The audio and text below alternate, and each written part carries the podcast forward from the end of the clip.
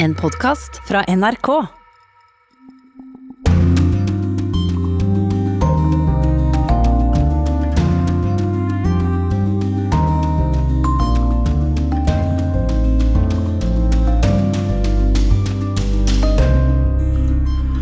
Etter tre uker med spekulasjoner om Nord-Koreas leder Kim Jong-un, kommer det nå et livstegn. Mafiaen i Mexico bruker brutale metoder for å få kontroll over avokadomarkedet. Nå kriger de med samme metoder om den svært lukrative avokadoindustrien. Nunca nos dieron el motivo o la razón por lo que Vi fikk aldri vite hvorfor de ble drept, sier Maria. Hun anmeldte drapet på ektemannen, men ingen ble dømt. Spania åpner opp samfunnet. Vi skal høre siste nytt derfra, fra vår korrespondent og Norges ambassadør i Madrid. Svenske politikere tar selvkritikk, har ikke klart å beskytte de eldre. Det er kjempealvorlig, og det er et mislykkende for samfunnet gemensamt vil jeg si, at vi ikke har kunnet skydde den gruppen. Vi må lære ut av det. Flere afrikanske land opphever portforbud slik at folk igjen kan ha et levebrød. Under portforbudet hadde jeg ikke penger til å forsørge familien, så jeg synes det er bra at vi kan jobbe igjen. Og korona fører til nye forretningsideer i Russland. Forretningsideen er å lage russernes favorittretter i toppkvalitet, legge dem på glass og frakte dem hjem til folk nå som de fleste må sitte hjemme for å unngå koronasmitte. Korrespondentbrevet er postlagt i Brasil, der presidenten og hans sønner er i hardt vær. I serien Krig og fred får vi vite mer om framtida til luftfarten. Vel møtt til Urix på lørdag med Dag Bredvei i studio. Først til dagens nyhet om Nord-Koreas leder Kim Jong-un. Etter tre uker med spekulasjoner om han var syk eller død, har nordkoreanske medier sendt ut bilder av en smilende Kim som åpnet en gjødselfabrikk i går. Og før sending snakket jeg med Asia-korrespondent Kjersti Strømmen i Beijing, og spurte henne om vi kan gå ut ifra at bildet er ekte, og at alt er bra med Nord-Koreas leder. Ja, jeg vil iallfall tro at det er lite sannsynlig at eh, man har diktet dikta opp eh, denne situasjonen og sendt ut falske bilder. For eh, dersom eh, det skulle skje, så vil det jo eh, skape forvirring senere. Så jeg tror kanskje ikke at eh, det er noe fiktivt her. Han har òg vært borte tidligere. I 2014 hadde han en operasjon i ankelen etter alt å dømme, og var borte i, i seks uker. Så det har jo ikke vært overbevist her om han var veldig syk, om han var død eller om han var i live. Men altså disse spekulasjonene ble veldig sterke i dette landet, der eh, alt nesten er hemmelig. Hvor viktig er det for stabiliteten i landet og regionen at vi nå har fått informasjon om at Kim er i live? Ja, Det er nok eh, veldig viktig for stabiliteten at han er i live. Og eh, dersom han skulle dø, så ville det skape mye ustabilitet. Det ville være veldig uforutsigbart eh, hvordan maktskiftet ville være, og hva det ville føre til. Det kunne jo tenkes at det kom mer eh, altså til folk som var mer drastiske i sin måter måte å håndtere ting på. Selv om Kim Jong-un går fra å være, ha denne skjermoffensiven til å eh, true med atomvåpen, så er det en slags forutsigbarhet i det også. Mens eh, andre kunne jo komme til å ha mer drastiske tiltak og være mer aggressive for utenverden. Så Sånn sett så er det veldig bra at eh, vi vet at eh, Kim Jong-un er i live akkurat nå. Og så får vi jo se hvordan det går framover. Det har jo vært spekulert i medier verden rundt at den mest sannsynlige arvtakeren er søsteren hans, og vil disse spekulasjonene påvirke forholdet mellom de to nå? Ja, Det syns iallfall jeg er et veldig interessant eh, spørsmål. Hvordan det vil påvirke Kim Jong-uns følelse av å være skal man si, den diktatoren vi ser på han som, når hans eh, søster har fått så mye oppmerksomhet og liksom blir snakket om som hans erstatter. Det er veldig vanskelig å si, og det blir interessant å følge med på om hun mister mer makt, eller om hun får mer makt i Nord-Korea i tiden som kommer.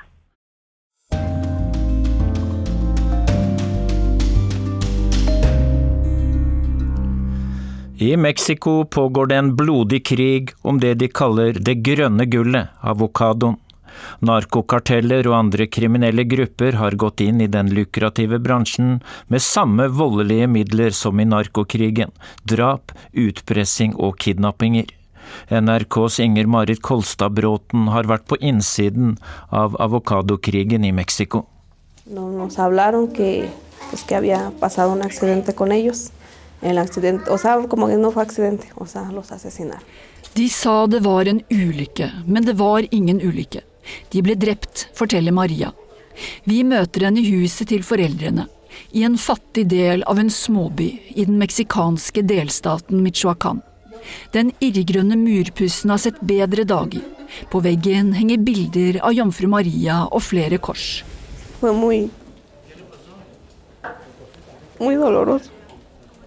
Hun vet nå hvor farlig avokadobransjen har blitt. Derfor bruker vi ikke hennes virkelige navn i denne saken. Maria glemmer aldri dagen for snart to år siden. Mannen hadde som vanlig dratt på jobb, sammen med en gjeng avokadoplukkere. Så ringte telefonen. De sa at noe hadde skjedd. Flere var drept. Jeg håpet at mannen min ikke skulle være blant de døde. Men slik var det dessverre ikke, forteller hun med tårer i øynene. Sju avokadoplukkere ble skutt og drept den dagen. Fire var fra samme familie.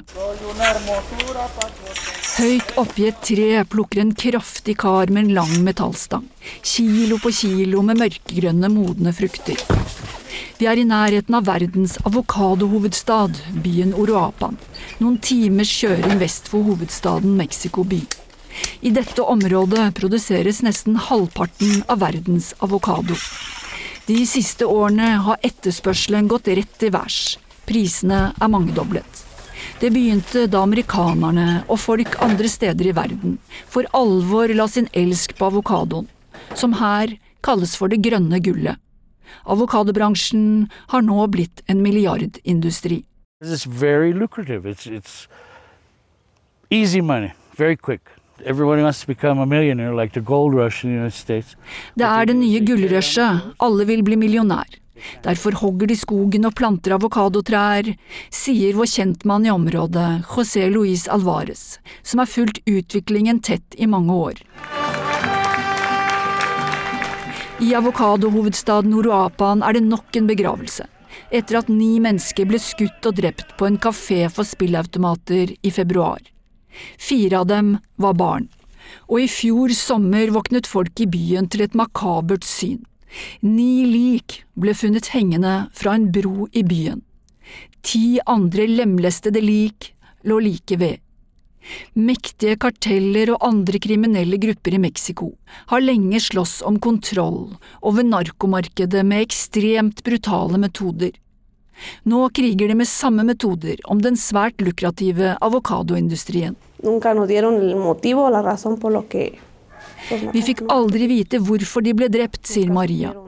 Hun anmeldte drapet på ektemannen, men ingen ble dømt. Svært få drap i Mexico blir oppklart.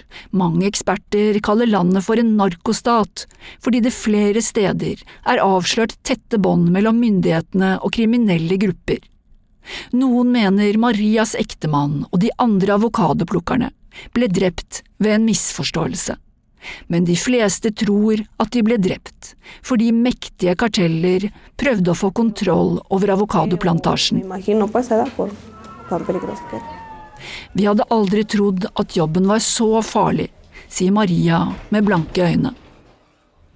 Og det kommer mer om denne oppsiktsvekkende saken i Søndagsrevyen i morgen på NRK1 klokken 19.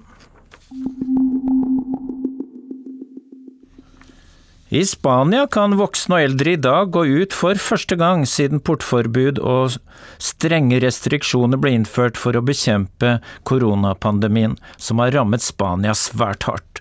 Eldre over 70, voksne og barn er tildelt ulike deler av døgnet.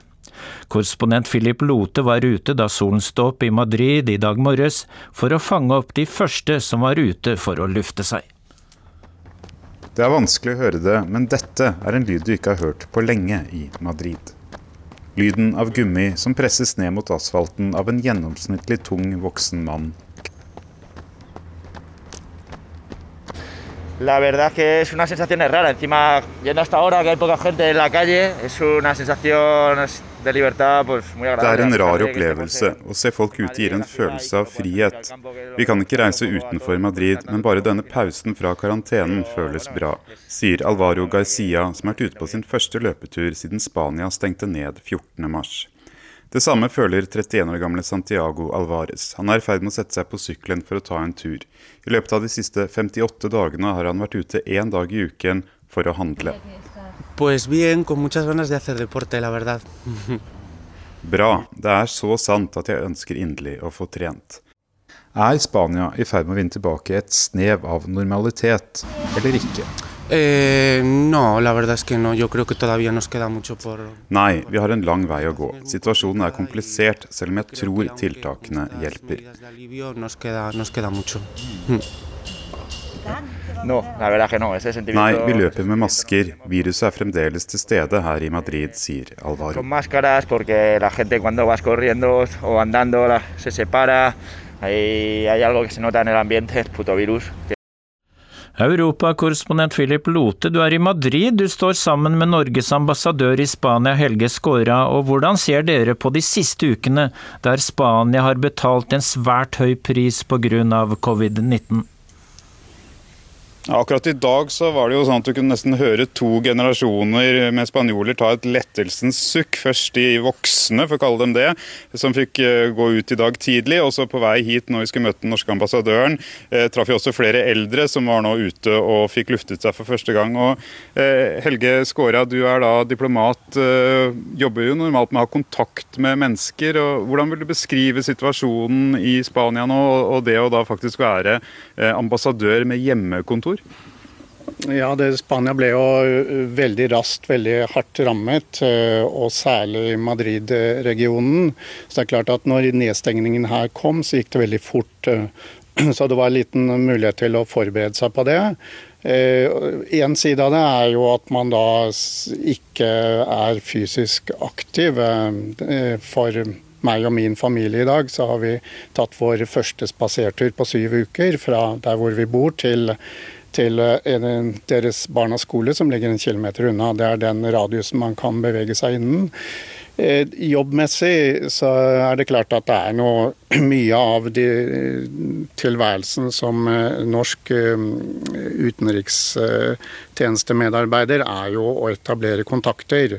Og det gjør man selvfølgelig ikke på samme måte fra en datamaskin og, og gjennom videokonferanser. Så man er jo da henvist til å trekke på de kontaktene man har. Og så er det selvfølgelig da det som lar seg gjøre, og det har vi jo sett fungere overraskende godt, det er jo videokonferanser for politisk ledelse. Det, det fungerer. Vi har i i Madrid og i Spania. Spania er jo et land som svært mange nordmenn har et forhold til. Vi har halvannen million direkte innreiser i året til, fra Norge til Spania. Og det er klart at det konsulære og behovet for ambassaden til å da støtte opp om det konsulære arbeidet med alle nordmenn som da uh, måtte uh, ta seg hjem til Norge, det har preget mye av vår tilværelse. Så er jo da Spania et viktig land i Europa, et av de største, en av de største økonomiene. 47 millioner innbyggere. og Hvordan føler du at Spania har kommet ut av dette her, og hvordan har dette preget Spanias situasjon i Europa? EU var jo litt sene og litt svake i sitt tilsvar til krisen. Spania kom fra en situasjon hvor de hadde hatt en veldig tøff økonomisk nedtur etter finanskrisen, som da reflekterte seg i en voldsom arbeidsledighet. I 2013 så var arbeidsledigheten tett oppunder 27% Så har man da gradvis de siste årene kommet litt av hektene. Og arbeidsledigheten f.eks. da var redusert til 14% samtidig som man har hatt en, en, rimelig solid økonomisk vekst. Det som nå skjer, er jo Vi vet alle hvor viktig turisme er i Spania, og hvor hardt den sektoren har blitt rammet. Vi snakker om 12,5% av spansk BNP, 13% av sysselsettingen. Når turistindustrien skal komme til hektene igjen, er det per i dag Eh, nærmest umulig å si. Så det er klart at Spania er av de landene som blir ekstra hardt rammet. Og det man eh, vil komme til å se, er jo at eh, arbeidsledigheten vil stige raskt igjen, og at økonomien blir hardt rammet. De prognosene som er for hva de har vært i en så tidlig fase, hvis vi legger til grunn at, som mange nå må gjøre, at dette vil vare halvannen til to år inntil man har en vaksine, kanskje, så, så, er jo analysene per i dag stort sett at Spania vil, vil få en økonomisk nedtur på en 8-9 av BNP. Og arbeidsledigheten vil igjen kunne stige til over 20 De føler jo da at EU-samarbeidet eh, burde eh, raskere være på banen med bistand. Takk skal dere ha. En ting som selvfølgelig EU-samarbeidet eksisterer jo ikke i et vakuum. Eh, de har de virkemidler og de ressurser som medlemslandene er eh, villige til å overføre til det samarbeidet. Så Madrid. det er en eh, hard test både for Spania og EU dette nå, og også fremover. Takk skal dere ha i Madrid, Philip Lote og ambassadør Helge Skåra. Også flere afrikanske land letter nå på noen av restriksjonene som ble innført for å hindre spredning av koronaviruset. I det vestafrikanske landet Ghana ble portforbudet opphevet mandag denne uka. Det er uenighet om det er riktig å åpne opp mens viruset fortsatt sprer seg på det afrikanske kontinentet. Afrikakorrespondent Ida Dalbakk har laget denne reportasjen. Maxwell Apavu vasker hendene godt for å bli kvitt både motorolje og eventuelle virus på hendene. Bilmekanikeren jobber i Ghanas hovedstad Accra. De siste dagene har portforbudet vært opphevet her, og Maxwell og kollegaene er tilbake i bilverkstedet. Han lener seg over et åpent bilpanser og har på seg en maske som skal beskytte mot covid-19-viruset mens han jobber. Work is not coming through and my masters are not coming work. They are, they are, they are from far and me, my master is from like Ashama. Jeg synes portforbudet var veldig vanskelig. Jeg tjente ingenting, og det gjorde ikke kollegaene mine heller. Jeg synes det er bra at det er opphevet, men det får jo også konsekvenser, fordi sykdommen sprer seg fortsatt, sier Maxwell. It is good, but somehow not good because the sickness is just growing more and more and more. En kollega som står ved en av de andre bilene, er enig i at det var en god idé å åpne opp portforbudet, som startet 30.3 i Ghana. To me it's good that it lift up the lockdown. To me it's good because staying in the house because there's no money to feed the families. Under portforbudet hadde jeg ikke penger til å forsørge familien, så jeg synes det er bra at vi kan jobbe igjen, sier kollegaen.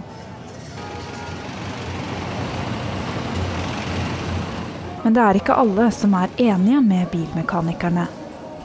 I samme by sitter Charles i verkstedet der han reparerer bærbare PC-er. Han har på seg maske over munnen og hvite plasthansker. Og ved inngangen har han plassert antibac og stoler der kundene kan vente, med god nok avstand til hverandre. Han er glad for å være tilbake i verkstedet og for å jobbe igjen, men generelt sett synes han ikke at portforbudet burde vært opphevet. I don't think uh, it's the right time to lift the lockdown actually. Even though we are suffering as a private business owners. Ukene med strenge restriksjoner var vanskelige for oss som eier egne private bedrifter. Men jeg synes likevel ikke at det burde blitt opphevet allerede nå. Tallet på smittede øker, og det er viktig at vi har restriksjoner som gjør at vi får viruset under kontroll, sier Charles.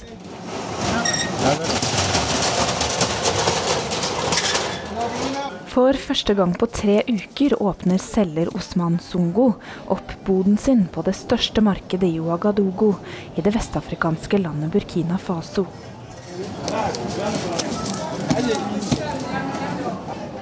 Han plasserer ut papiresker med sko som han endelig kan selge, fordi landet slipper opp på noen av restriksjonene, som forbudet mot markeder.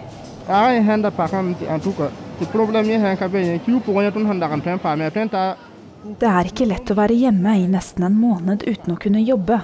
Vi måtte bruke penger på mat selv om jeg ikke tjente noen ting, sier Osmane Sungo bak en blå og svart stoffmaske. Han jobber i den uformelle sektoren av økonomien som utgjør halvparten av landets bruttonasjonalprodukt. Ved siden av står selger Bobakar Nikema, som håper at flere av markedene i landet åpner framover. Vi ber om at alle markedene nå åpner, slik at vi kan selge flere steder. Hvis andre markeder er stengt, vil det være veldig vanskelig å få solgt nok til å kunne leve av det, sier Bobakar. Utenfor markedet holder politiet vakt, mens byens innbyggere venter i lange køer på å komme inn.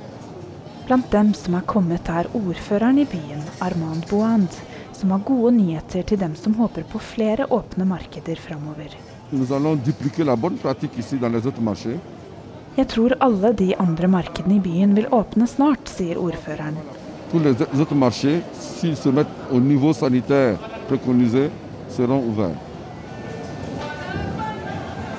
Og så får folk endelig strømme inn. Men alle må ha på seg munnbind og vaske hendene med sprit før de får lov å gå inn på markedet for første gang på tre uker. Og vi gjør et langt sprang i Urix på lørdag. I Sverige stiger kritikken fordi mange eldre dør av covid-19.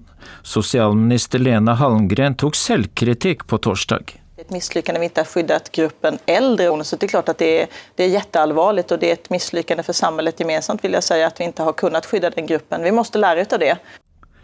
Reporter Eirik VM, du kom hjem i går etter å ha fulgt situasjonen i Sverige på nært hold, og vi hørte sosialministeren ta selvkritikk. Kan du utdype det politikerne mener har gått galt? Altså, de bruker ordet 'mislykket' om deler av håndteringen som da skjedde under innledningen av pandemien. Og Det som gikk galt, var at myndighetene i Sverige ikke forsto alvoret. Eh, det skjedde jo også i mange andre land, men i Sverige fikk det den konsekvensen at det ble smittespredning på flere aldersinstitusjoner.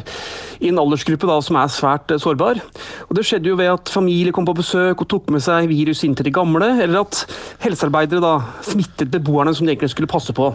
Og så ble mange syke, og helsevesenet i Stockholmsregionen da ble ble presset til ytterpunktet, noe som igjen førte til eh, høye dødstall. Så det var det som gikk galt. Eh, hva med smitteverneksperter som har stor innflytelse i Sverige, tar de også selvkritikk? Statsepidemiolog Anders Tegnell har jo sagt det samme som sosialministeren, at Sverige sviktet sine eldre i startfasen. Så, så der tar de jo også selvkritikk. I går så leste jeg et lengre intervju med Tegnell i Aftonbladet, og der var han jo ærlig og sa at han er ikke sikker på at Sverige har valgt riktig vei ved å ha da mildere tiltak enn mange andre land, men at han fortsatt da tror strategien er den beste for uh, Sverige. Og Ved å ikke være så skråsikre, så har jeg inntrykk av at helsemyndighetene, da med Anders Tegnell i spissen, de har fått stor tillit eh, ute i den eh, svenske befolkningen. Eh, Tegnell er jo en voksen og jordnær mann i midten av 60-årene, men han er nå blitt verdenskjent. Han har til og med vært i krangel med USAs president Donald Trump.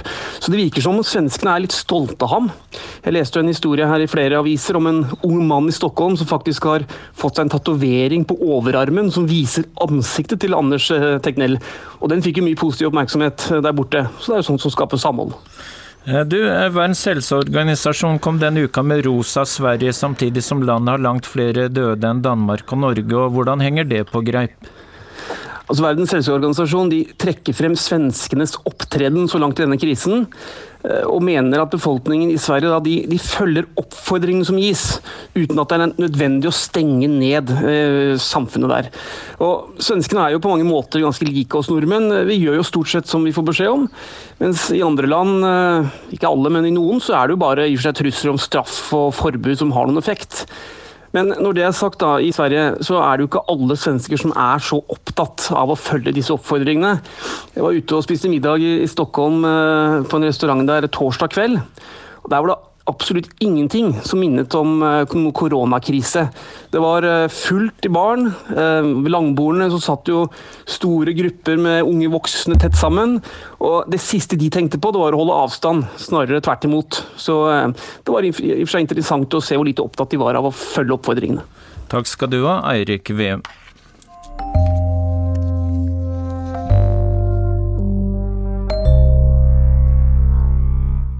I Russland er de aller fleste restauranter og kafeer stengt fordi folk sitter hjemme i sine boliger pga. virustiltakene. Men en restaurantvirksomhet blomstrer og utvider, den heter Restaurant på glass, og ideen er å frakte gourmetmat hjem til folk. Russland-korrespondent Jan Espen Kruse. Заказали фрикадельки очень вкусные. И самый мой любимый борщ. Her er min favorittrett plov. Det er ris med lammekjøtt og sentralasiatisk krydder. Smakfulle kjøttkaker. Og min elskede rødbetsuppe borsj, sier Palina Voronova mens hun pakker opp rettene som nettopp har blitt levert på døra. Hun er fast kunde hos det nokså nystartede firmaet som går under navnet Restaurant på glass. Forretningsideen er å lage russernes favorittretter i toppkvalitet, legge dem på glass og frakte dem hjem til folk nå som de fleste må sitte hjemme for å unngå koronasmitte. Мы сделали первый заказ, мы просто подсели на борщ, на долму, на плов. Это просто оказалось... Etter vår første bestilling ble vi rett og slett avhengige av rødbetsuppa og flere av de andre rettene, sier Voronova. Hun forteller at mannen hennes spiser suppa stadig vekk, og hevder at den er den beste han noen gang har smakt. Kokken og restauranteieren Aleksandr Khasanov viser hvor enkelt det er å varme opp rettene. til nød kan en mikrobølgeovn brukes. Det er han som står bak firmaet Restaurant på glass. Khasanov startet i byen Jekaterinburg og har utvidet til Moskva, og snart står St. Petersburg for tur.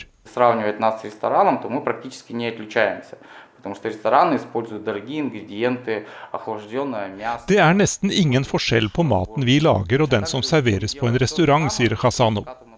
Restaurantene bruker dyre, utvalgte råvarer. Det samme gjør vi. Den eneste forskjellen er at vi legger maten ned på glasskrukker. En person som kommer sulten hjem fra jobb, trenger ikke å vente, det er bare å varme opp maten og spise, sier restauranteieren. På hvert glass er det mat til to, og prisen varierer fra 50 til 80 kroner. Ладно, хорошо, спасем вас от голода. Restauranteieren er på vei til en kunde og tar imot nye bestillinger mens han kjører. Han lover at kunden skal slippe å sulte, selv under koronakrisen.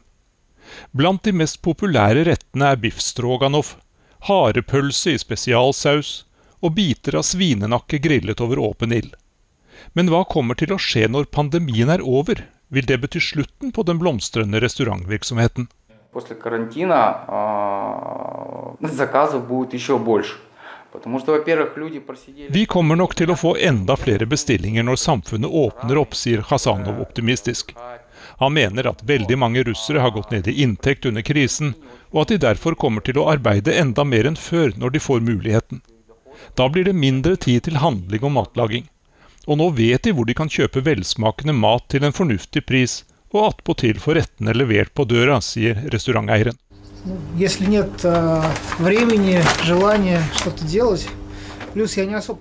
En ny kunde roser maten og den enkle og raske leveringen. Gourmetmat på glass ser ut til å klare seg i det russiske samfunnet. Ukens korrespondentbrev er postlagt i Brasil av Arnt Stefansen og handler om skandalene som presidentfamilien står midt oppi. Jeg skal fortelle dere en historie om tre brødre og deres far. Brødrene heter Flavio, Carlos og Eduardo, og faren, som er en gammel militær, kaller dem 01, 02 og 03. Alle tre har gjort karriere i politikken. Flavio, som er den eldste, sitter i Brasils senat. Carlos sitter i bystyret her i Rio, og Eduardo er medlem av parlamentet i Brasilia. Men de tre brødrene er ikke som andre politikere, ikke engang her i Brasil. I deres kjølvann står skandalene i kø, noe som har skapt store problemer for deres far.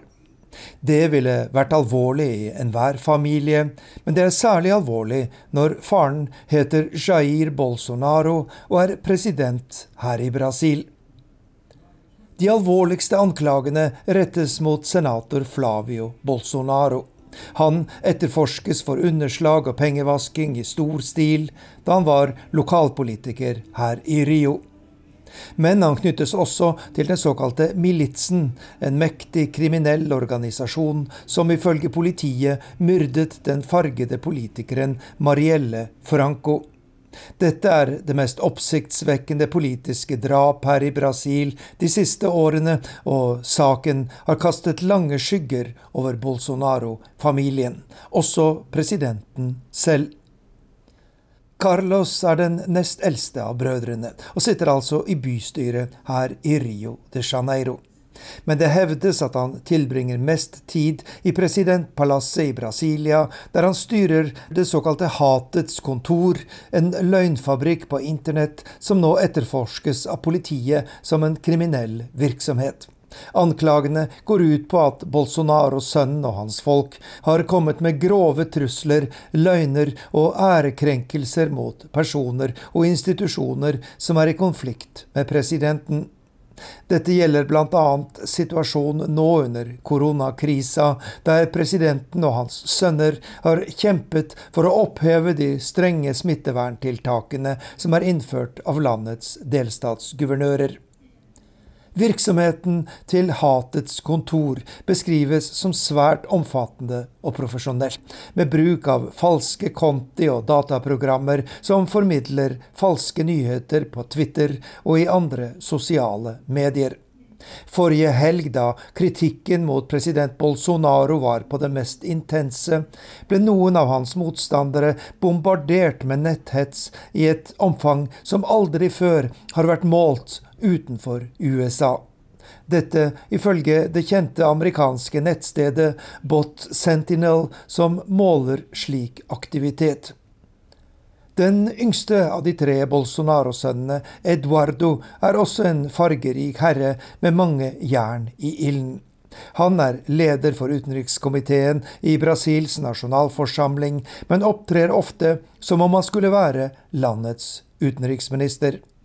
Da han fulgte sin far til møte med USAs president Donald Trump, var det han som fikk være med på den eksklusive samtalen på det ovale kontor, mens utenriksministeren måtte vente på gangen. Og far president har så store tanker om sin sønn at han foreslo ham som Brasils nye ambassadør i Washington, dette til tross for mildt sagt mangelfulle kvalifikasjoner. Men da var grensen nådd, og kritikken og hånsordene haglet. Vi kjenner historien om den romerske keiseren Caligula som ville utnevne hesten sin til konsul. Men det vil være langt mer ødeleggende å utnevne Eduardo Bolsonaro til Brasils ambassadør i USA, skrev en kommentator. Og forslaget ble etter hvert trukket tilbake. Bolsonaros sønner bruker enkle og kraftfulle ord og symboler i sin virksomhet på sosiale medier. Da Eduardo Bolsonaro fikk hard kritikk i en brasiliansk avis, kvitterte han med å legge ut et bilde av en hund som driter på avisens forside. Hvordan er det å være far til tre slike virksomme sønner? Det er neppe tvil om at presidenten gjerne kunne vært noe av virksomheten foruten, men utad forsvarer han sine gutter med nebb og klør. Det vil si, da yngste sønnen kom med grove trusler mot Brasils høyesterett, skrev faren følgende på Twitter. Den som gjør dette, trenger en psykiater. Men det var før han ble klar over hvem som sto bak truslene. Da dette ble oppklart, var reaksjonen en annen. Han er jo bare en guttunge. Eduardo Bolsonaro blir 36 år i juli. Sannheten er at president Jair Bolsonaro og hans sønner er enige om det aller meste, og de er helt på linje i viktige politiske spørsmål. Og presidenten står ikke tilbake for sine sønner når det gjelder uheldige utspill. Denne uken svarte han på følgende måte da mediene ba ham kommentere den tragiske økningen i koronatallene her i Brasil. Og hva så? Jeg beklager, men hva vil dere at jeg skal gjøre? Sånn er livet. Og presidenten, som bærer mellomnavnet Messias, la til Jeg er Messias, men jeg kan ikke utføre mirakler og forrige helg gikk hans mest populære minister, justisminister Sergio Moro, av i protest, og kom med voldsomme anklager mot presidenten, noe som har åpnet for en mulig riksrettssak mot Bolsonaro. Hva sier de som stemte på ham? Jeg ringer drosjesjåføren Flavio Moreno her i Rio. Da jeg intervjuet ham foran valget i 2018, sa han følgende. Vi brasilianere orker ikke mer av korrupte og udugelige politikere. Vi trenger en som kan få til forandring, og jeg ser Bolsonaro som vår redning. Vel, sier han nå, vi hadde trodd det skulle gå bedre. Jeg er bekymret for at justisminister Moro har gått av. Men jeg blir rasende når folk som støttet oss under valgkampen, nå går inn for riksrett. Ville du stemt på Bolsonaro igjen hvis det var valg nå, spør jeg. Ja, sier han bestemt. Jeg ser ingen som er bedre. Nå skal vi bruke resten av sendinga på noe som de fleste av oss lurer på. Når kan vi reise til utlandet med fly igjen, som før? Det er tid for ukas Krig og fred-podkast ved Tove Bjørgaas og Tore Moland. 90% av flyavgangene er kansellert, og 5000 fly står på bakken bare i Europa. SAS sier opp halvparten av sine ansatte. Norwegian og mange andre er på randen av konkurs. Covid-19 er den største katastrofen i luftfartens historie. Når kan vi gå om bord igjen? Og hvordan blir det å reise ut i verden da? Du hører på Krig og fred Med Tove Bjørgaas og Tore Moland.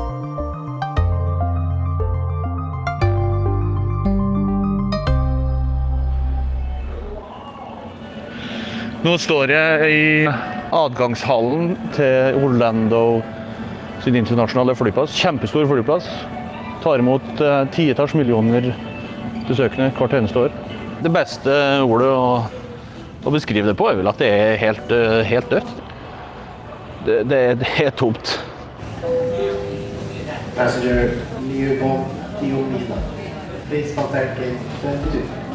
Hei, jeg er Lars Os, videojournalist og fotograf for NRK i USA. Nå har jeg sjekk-in til Delta, som er et stort amerikansk flyselskap, på høyre side. Og til venstre så er det flere andre innsjekkingsskranker. De er helt tomme. Langt, langt nedover her så ser jeg 15 personer kanskje som sjekker inn på over 20 skranker. Det er altså ingen folk her. Helt tomt. Ser du eh, tavla over hva slags fly som, som, går? Det går fly herfra til Atlanta, Minneapolis, etter New York, Panama City, Toronto. Det er under 20 fly på tavla, og halvparten er kansellert. Ladies and gentlemen, Lufthansa, som er en Europas største flygruppering, de taper nå per time mens vi sitter her og prater, 1 million euro. Så nesten 12 millioner kroner i tipen går ut av kapitalreserven til Lufthansa. I time. 24 timer i døgnet. Det er over en kvart milliard per døgn. Hans Jørgen Elnes, flyanalytiker i Win Air. Denne covid-19-epidemien, det er noe flyselskapene aldri har eh, opplevd før. Alle flyselskap har en backup-plan for absolutt alt. Det, det, og det fungerer veldig bra. Men dette her kom så brått på at ingen trodde at dette kunne skje. To keep new cases from entering our shores, we will be suspending all travel from Europe to the United States for the next 30 days. 11. mars kunngjorde Donald Trump at europeiske statsborgere ikke lenger får slippe inn i USA pga. koronaviruset. Og Grep nummer én er at vi i dag har besluttet å stenge flyplassene våre, stenge havnene våre, og vi kommer til å ha utstrakt grensekontroll langs grensene våre. Et par dager etter stengte Erna Solberg og de fleste av kollegene hennes også grensene. Først sa de at innreiseforbudet ville vare en måned, men grensene er fortsatt stengt. Og de som så dette fort, de gjorde det eneste riktige som flyselskapet kan. Det er å kutte kostnadene og operasjoner så fort som mulig. Men så har du et ansvar, da. Det er jo masse passasjerer. Kundene dine er spredd. La oss si som for, for stort sett som Lufthansa, British Airways, Air France, KLM, som flør over hele verden. De har kunder over hele verden som skal hjem. Eh, det må du også prøve å løse. De har et ansvar der. De kan ikke bare på en måte la kunden gå i stikken. Eh, og det, det har vært utfordrende tror jeg, for å gjennomføre det, eh, for å få disse hjem. Så det er noen få selskaper som har holdt på, bl.a. Qatar Airways. Eh, de har fløyet overalt hvor det nesten har vært mulig å fly. Og det har selvfølgelig kosta de veldig mye, men de har da sikkert fått veldig mye kred. Fordi at Qatar, de, de sto på, og de er redda. Og det, det, har de faktisk gjort. Mange tusen passasjerer som har kommet seg hjem. Også til Norge. De flyr til Norge ennå. Er det sånn fortsatt, eller kommer det en ny fase nå? Det er veldig vanskelig å gi deg skikkelig godt svar på det, fordi vi vet jo ikke helt hvordan vil dette viruset på en måte påvirke det globale reisemønsteret? Hvilke begrensninger er det som vil, vil, bli holdt? Hvilke land vil låse, lokke seg ned? Men det vi tror er at hvis det, hvis det er koordinerte tiltak hvor, hvor, hvor, EU og europeiske land samarbeider eh, best mulig, og etter hvert da kanskje på altså europeisk nivå, og så internasjonalt etter hvert, så vil jeg tro at det, det kan hjelpe på at ting kommer i gang igjen. Men vi snakker her om ett til tre år før man kanskje er på det nivået man hadde før viruset slo til. Etter tre år før vi kan reise som før. SAS annonserte denne uka at de sier opp 50 av staben sin. Hva vil det bety for SAS sitt rutenett? Det betyr at rutenettet kommer til å bli kutta med 30-40% Det betyr ikke så mye akkurat nå, for at nå flyr SAS bare en håndfull fly, på samme måte som Norwegian har syv fly i lufta. Så så lenge situasjonen er så alvorlig som er nå, så betyr det ikke noe. Men men det som er ekstra skummelt, er at flyselskaper som SAS, eh, og også til dels Norwegian, de tjener pengene sine fra perioden april til september. Resten av året er ren underskuddsforetakene. Og i år så blir jo sommersesongen borte. Eh, og normalt så har flyselskapene en, en kapitalreserve på 60 dager for i tilfelle noe skulle skje uten at de har noen inntekter. Og etter hvert som vi nærmer oss disse 60, enden 60 dagene så tårner problemene seg opp. Og det vi ser nå, og dette er ikke å se krystallkulen, men det vi ser og forstår, vi som følger markedet tett, det er at det blir ikke noe trafikk i Europa i sommer.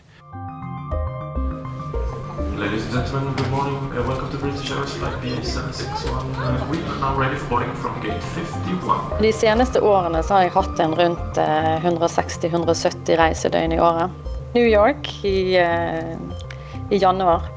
Tyskland, eh, Italia, Hellas, Spania, Nepal, eh, Danmark, Sverige, Tanzania, Aruba. Hei, jeg heter Jannike Hansen, og jeg driver reisebloggen Let's Get Lost. Jannike, når, eh, når var du ute og fløy sist? Jeg var ute og fløy tidlig i mars. Da var jeg i Tyskland. Jeg skulle reise på eh, den store reiselivsmessen, ITB i Berlin, som da ble kansellert uken før. Eh, det var fremdeles litt arrangementer og litt sånn som vi skulle prøve å få gjort noe fornuftig ut av, men eh, alt ble avlyst. Og, Hva tenkte du da? Jeg tror ikke noen egentlig så for seg at verden skulle se sånn ut som man ser ut i dag. Um, og ennå vet jo ikke vi hvordan han kommer til å se ut på, på, andre siden av covid.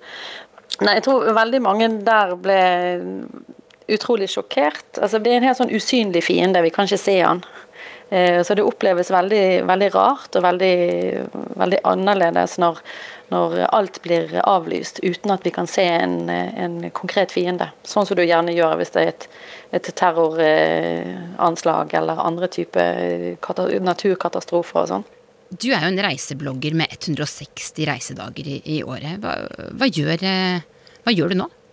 Nei, altså jeg eh, prøver jo å holde oppdatert eh, på bloggen. Altså jeg kunne jo skrevet masse. Jeg har jo hundrevis av historier på lager som jeg kunne ha skrevet, men det føles veldig feil å promotere utenlandske destinasjoner når man ikke kan reise dit.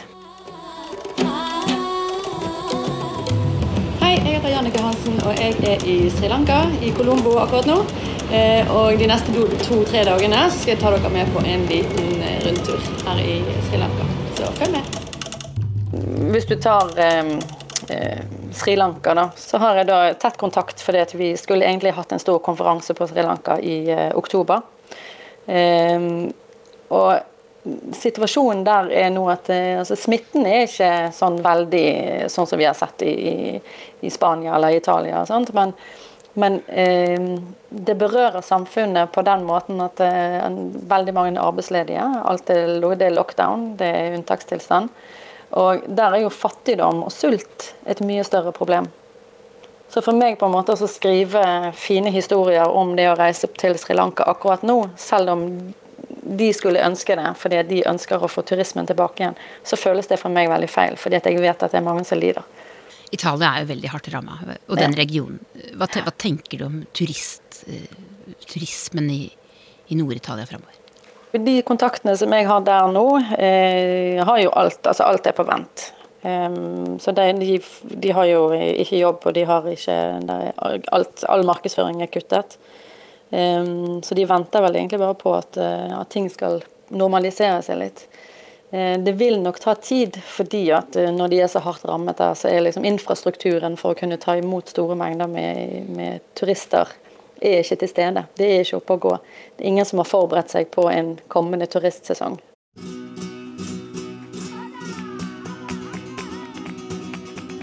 Diskusjonen er jo om vanlig turisme i det hele tatt eh, er eh, mulig. Her i Madrid så diskuterer jo hoteller om de kan innføre sertifikat på at de holder en viss eh, koronastandard. Det er noen av de dyreste hotellene som sier at de vil teste alle gjester, sånn at de kan garantere at de er koronafrie. Eller så kommer det forslag om at man skal sette opp pleksiglass mellom bordene på serveringssteder. og at man skal ha oppmålte eh, distanser, altså sosial avstand mellom solsenger. Eh, men alt dette er veldig mye høyttenkning. Eh, fordi at man er jo usikker på om man i det hele tatt kan begynne å invitere folk utenfra Spania til Spania, eller man i det hele tatt kan ha egentlig noe særlig ferie i sitt eget land dette året her.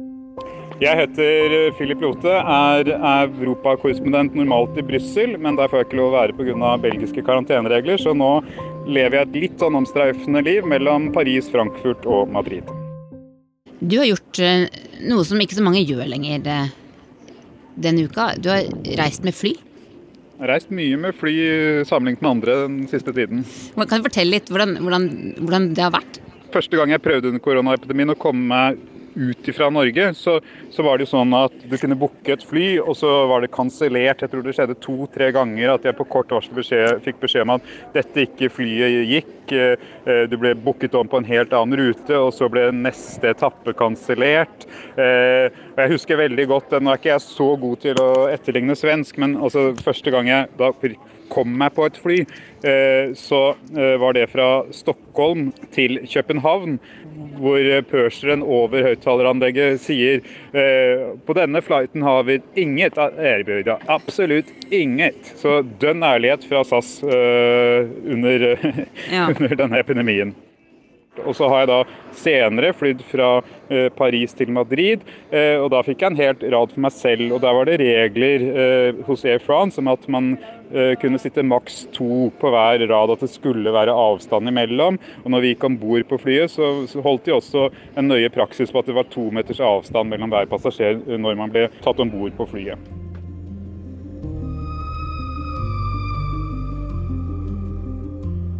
Jeg tok flyet fra Washington DC sin eh, nasjonale flyplass Reagan National ned til, ned til, New Orleans for eh, litt over to halvår siden. Ingen køer, ingen folk. Du bare gikk glatt rett gjennom. Og det er da helt tomt eh, omtrent ute ved gaten der. Jeg sitter for meg sjøl, og så ser jeg at det står 'gate closed'. Så tenkte jeg søren, nå har de, er det kansellert nå, da? Og så står jeg opp, og så er det ei hyggelig dame som står ved skranka og sier 'Mr. Oz'. You're welcome to Born Anytime. For da skjønte jeg at, at, jeg var der, og da var jeg den eneste personen som kom inn på det her flyet. Da. Det var bare deg på hele flyet? Det var meg, og så var det to eh, kabinansatte og to piloter. Privatfly, rett og slett? ja, jeg følte litt sånn. Veldig, veldig rart, altså. Hello, ladies and gentlemen. I'd just like to welcome you on board today's flight.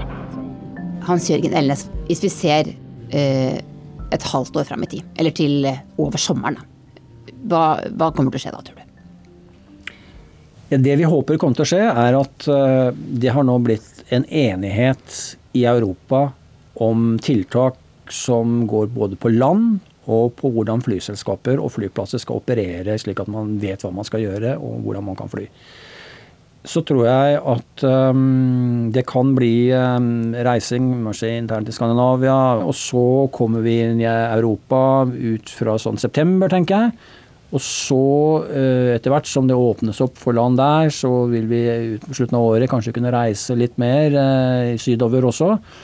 Og så tror jeg det tar faktisk ut i slutten av året og kanskje inn i neste år, før vi på en måte kan begynne å få litt fart på den interkontinentale trafikken, altså fra, fra Norge og utover. Men da henger det sammen. Har vi noe flyselskap som kan tilby det? Er SAS her med rute til New York? Er Norwegian her med rute til Bangkok eller, eller til USA?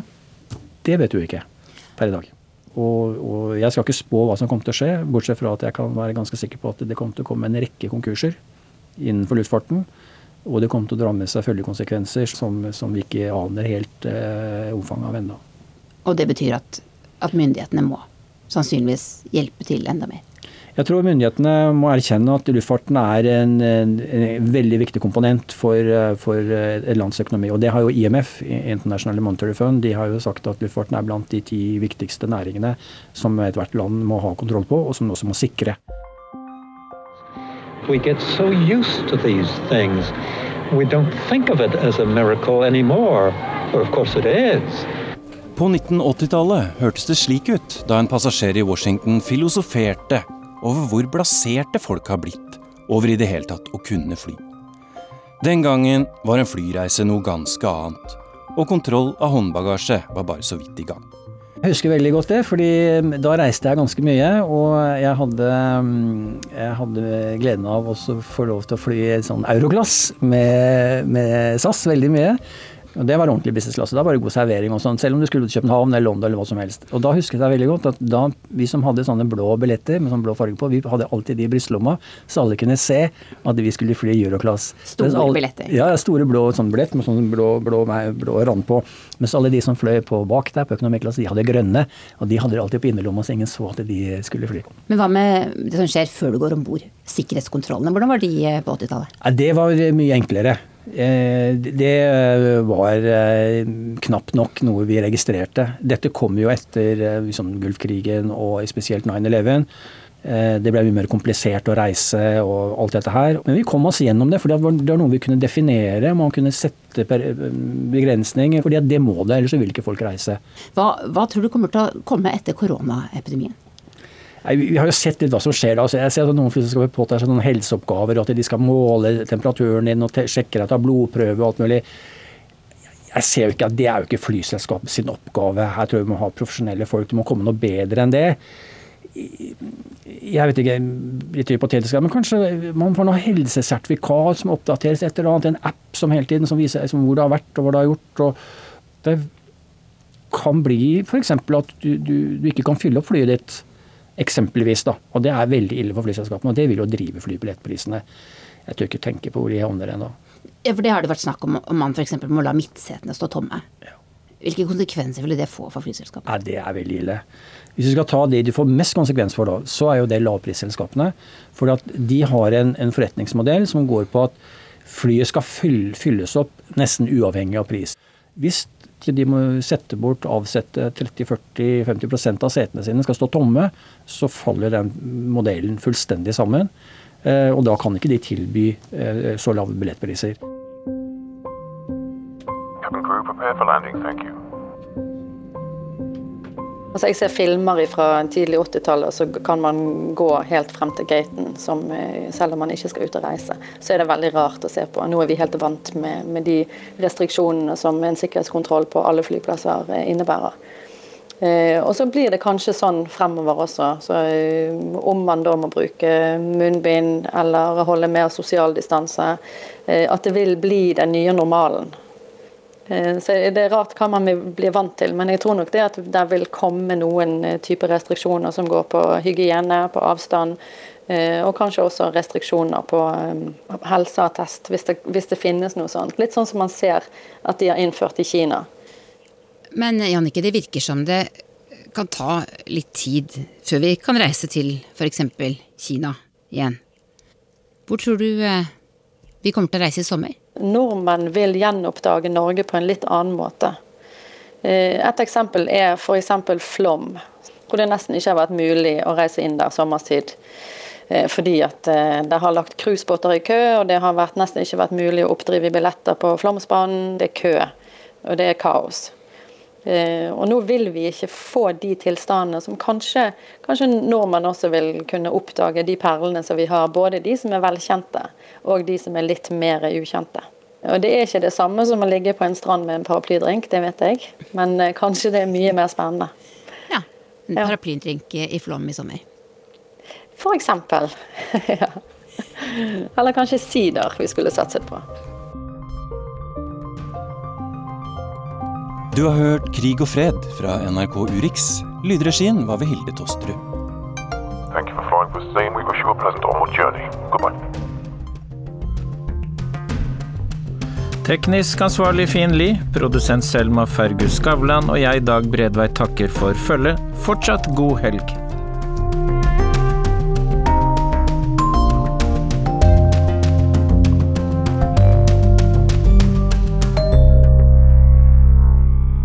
Du har hørt en podkast fra NRK. Hør flere podkaster og din NRK-kanal i appen NRK Radio.